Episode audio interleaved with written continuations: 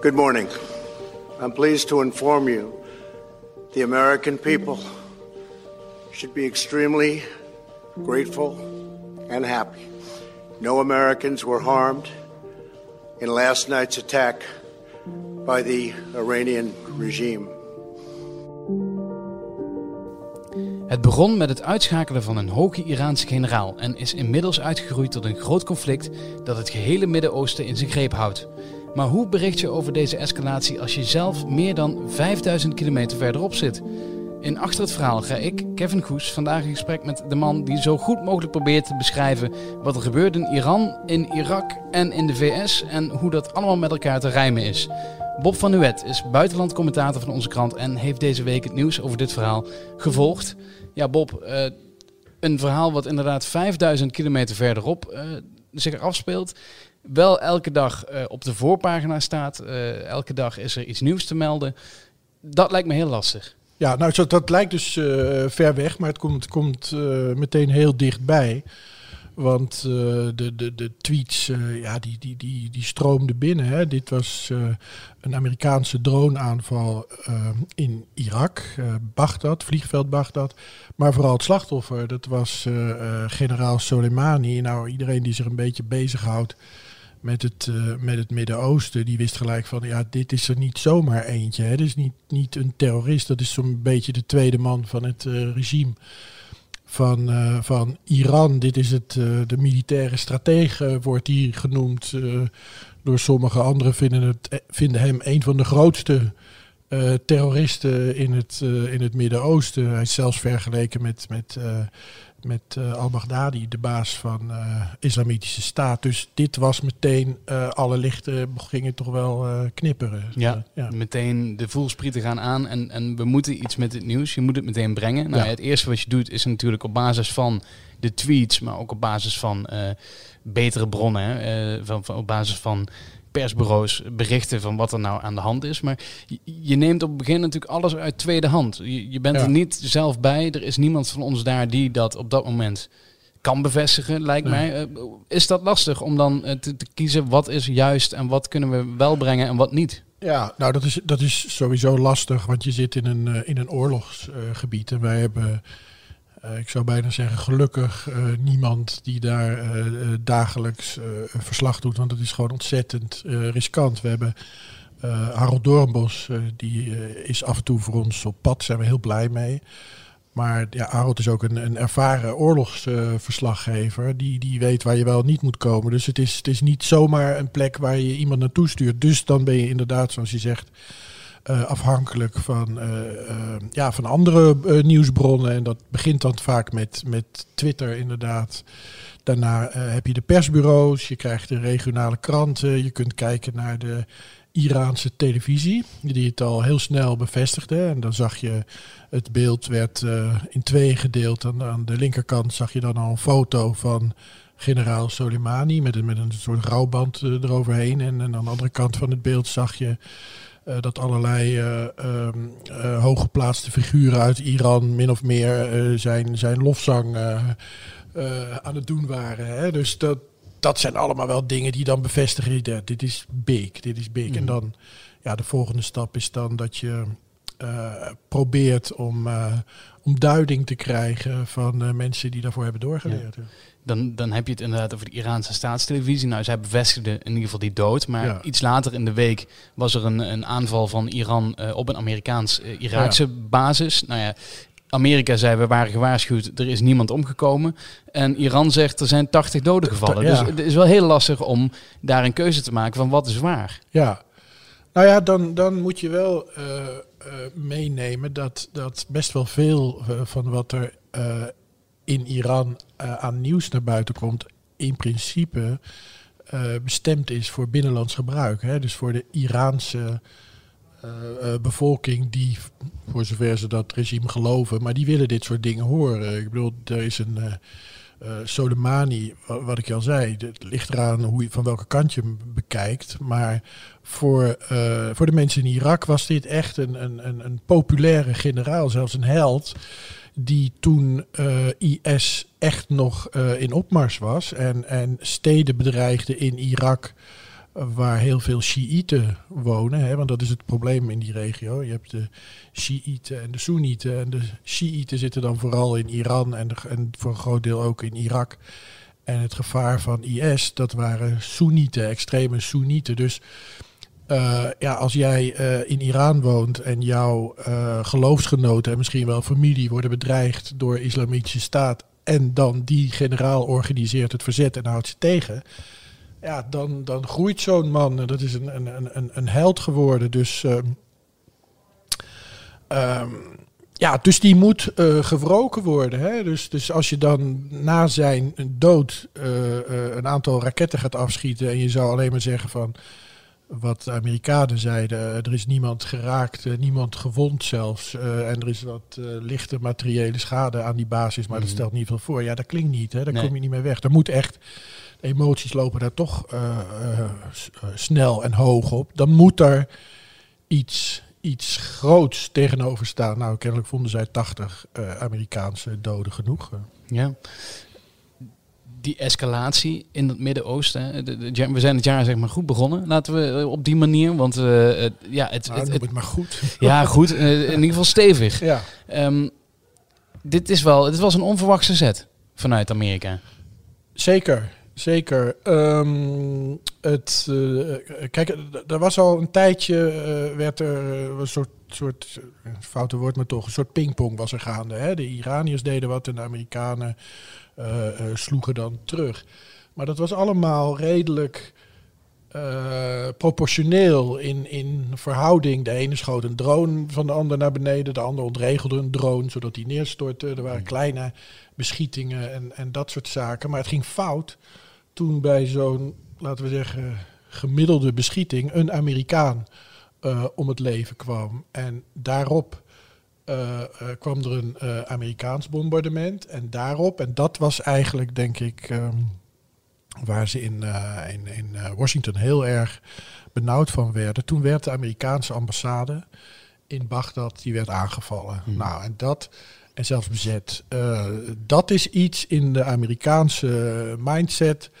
Dan gaan ze meteen terugdenken aan uh, wat er destijds met die Amerikaanse ambassade in Teheran uh, ja. gebeurde in 1979. nou, er zijn prachtige films ook over, over gemaakt. Dus dat zit heel diep bij de Amerikanen. En die ambassade die stond bekend als een soort onneembaar fort. Nou ja, ze stonden daar. En het had weer helemaal uit de hand kunnen lopen. Nou, dat is dus niet gebeurd.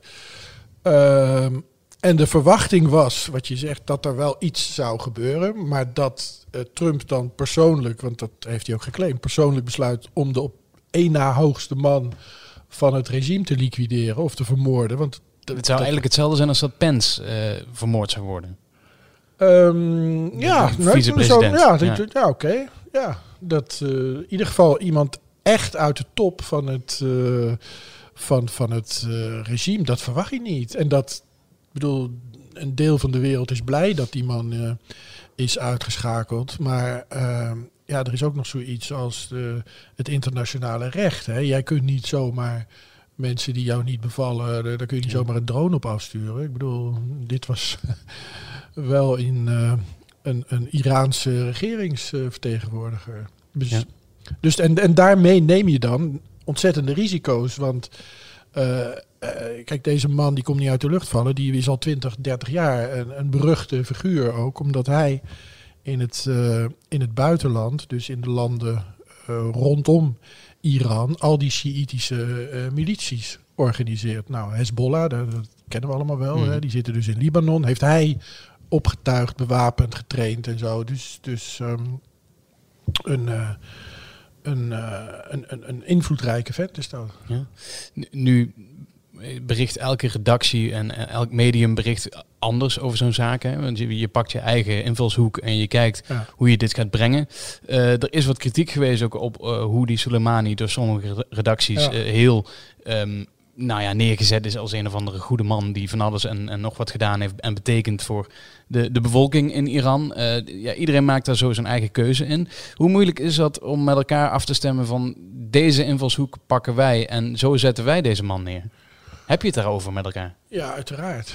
En in de, in de eerste versie uh, hebben we dat, uh, dat laten we zeggen, de zwarte kant van die meneer Soleimani, die, ehm, die als de, de tegenstander, als dat geen Shiiten waren, er niet zachter tegenaan ging dan bijvoorbeeld IS deed. Ik bedoel, er zijn ook verschrikkelijke represailles geweest. Dus dat hadden, dat hadden we, maar dat hadden we denk ik in onze eerste versie. Uh, het stond er wel, maar dat had, had wat meer uh, aandacht uh, mogen krijgen. Daar hebben ook mensen op gereageerd. Dan krijg je dus mails en mensen die bellen. Ook mensen die bellen die, die, die dan min of meer die heiligverklaring nog groter willen zien.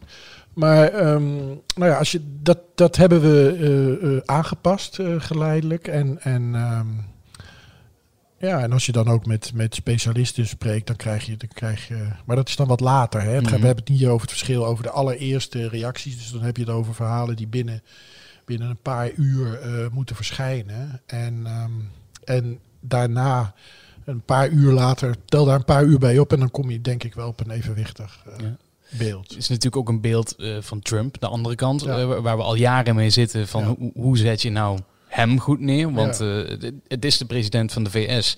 Hij heeft heel veel volgers en heel veel mensen die heel blij met hem zijn. Toch zijn we in Nederland vrij kritisch op hem. Um, zit daar soms een shifting in? Dat je wat meer toch de kant van hem gaat proberen te begrijpen en gaat in laten dit zien. specifieke verhaal? Bijvoorbeeld ook hier, maar eigenlijk over, over het hele, over het algemeen. Want ja, het is niet zo. We hebben natuurlijk. Wij kijken naar Trump op een bepaalde manier. Vanuit de Nederlandse, vanuit de Europese manier. Maar hij wordt wel eh, zeer groot gesteund ook in de VS.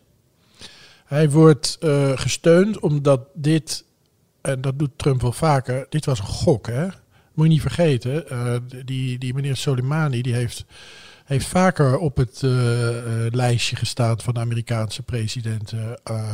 Obama had hem kunnen uitschakelen. Heeft hij niet gedaan. Waarom heeft hij dat niet gedaan?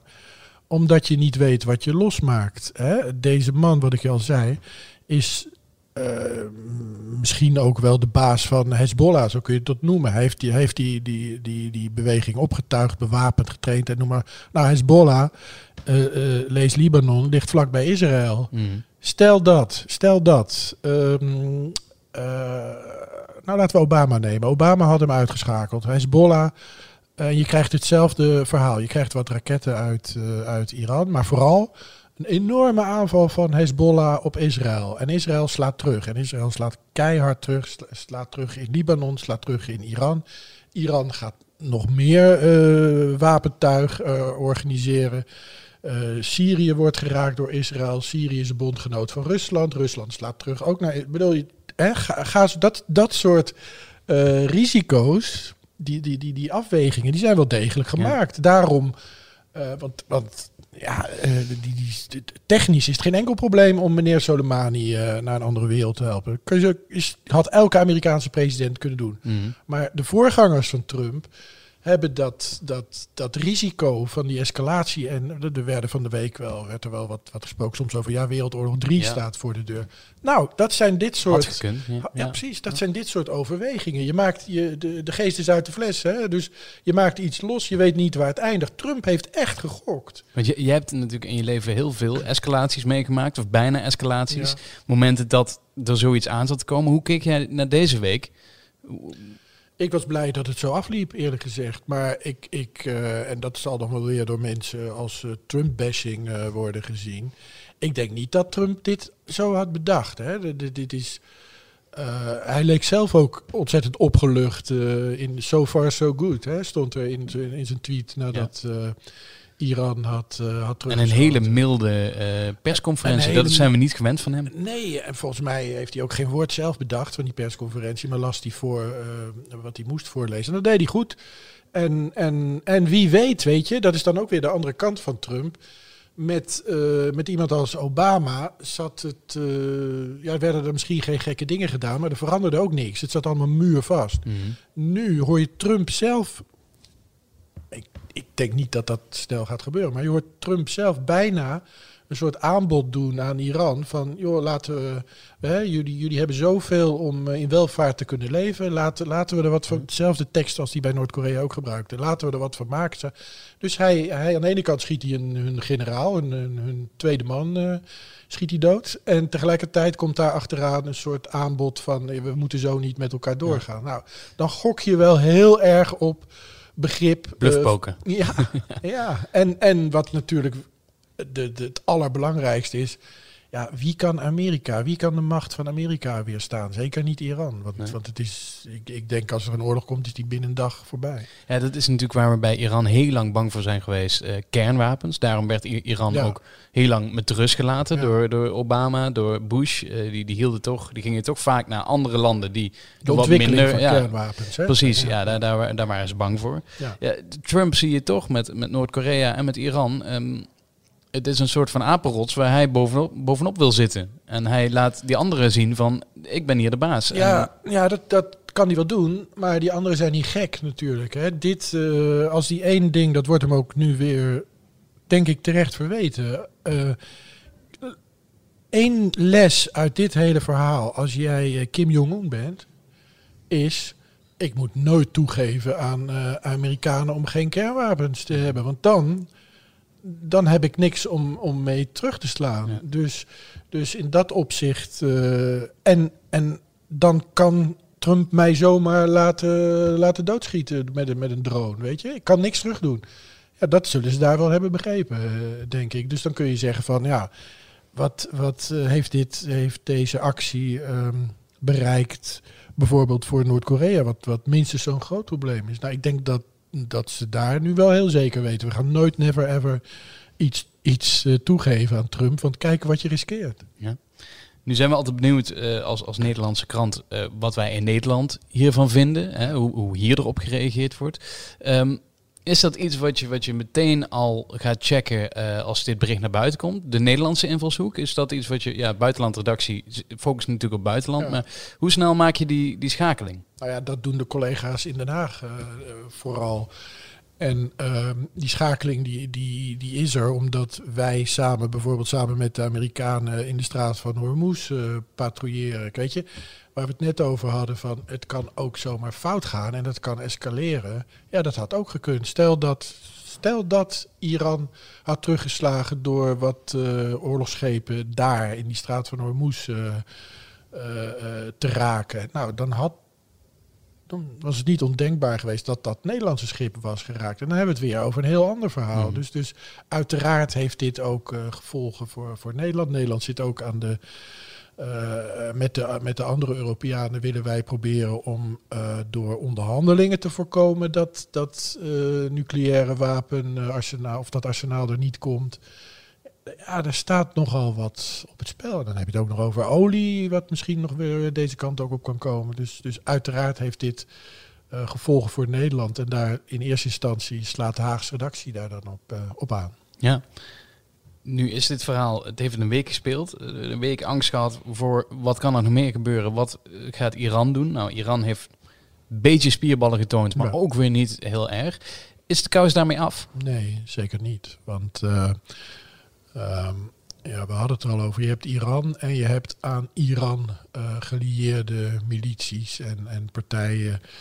Uh, nou, die hebben. Uh, Hezbollah heeft volgens mij laten weten dat ze dit niet genoeg vonden. Dat er nog wel wat. die willen bloed zien. Dus ik verwacht zelf dat er ergens de komende weken ga je een, een zelfmoordaanslag krijgen. En dat kan een een vrachtwagen zijn die afgeladen met explosieven uh, dicht bij een Amerikaanse basis probeert te komen. Of, of een Amerikaan. Ik bedoel, we hebben nu net het verhaal gehad van de Ajax-speler die, die terug ja. naar huis is gekomen. Hè. Waar, zaten ze in? Uh, Qatar. In Qatar, ja. ja. precies. Nou ja, die voelt zich niet veilig. Uh, ik kan me voorstellen dat een heleboel Amerikanen in dat gebied. Ja, die, die, je kunt erop wachten. Er gaat iets gebeuren. En dan zitten we weer eigenlijk. Dan, dan zitten we weer in, die, in, die, in dat verhaal van hoe reageert hoe Trump reageert dan Trump, weer? Ja. En hoe reageert daarna weer Iran? En dus op dit moment gelukkig, gelukkig uh, lijken ze allemaal een beetje um, bang voor die escalatie. En dat uh, ieder, ik denk de hele wereld is, is hoopt dat het hiermee zo. Maar dat zijn landen. Hè? Zodra er ja. milities gaan, die hebben veel minder te verliezen.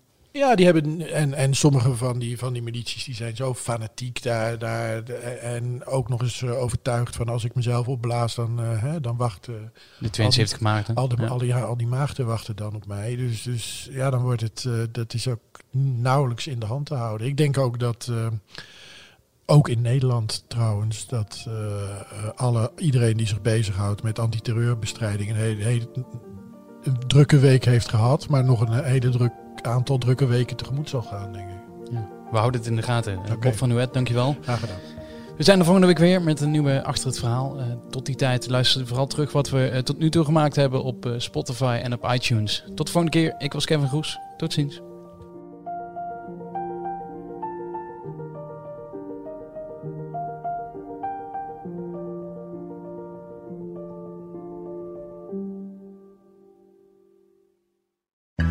Wereldnieuws gaat ons allemaal aan. Maar als het nieuws gaat over je stadje, je buurtje of je straatje, dan voel je, dit raakt. Daarom lees je in het AD alles over het nieuws in de wereld, Nederland en jouw regio. Download nu de AD-app en mis nooit wat voor jou belangrijk is. AD, altijd dichtbij.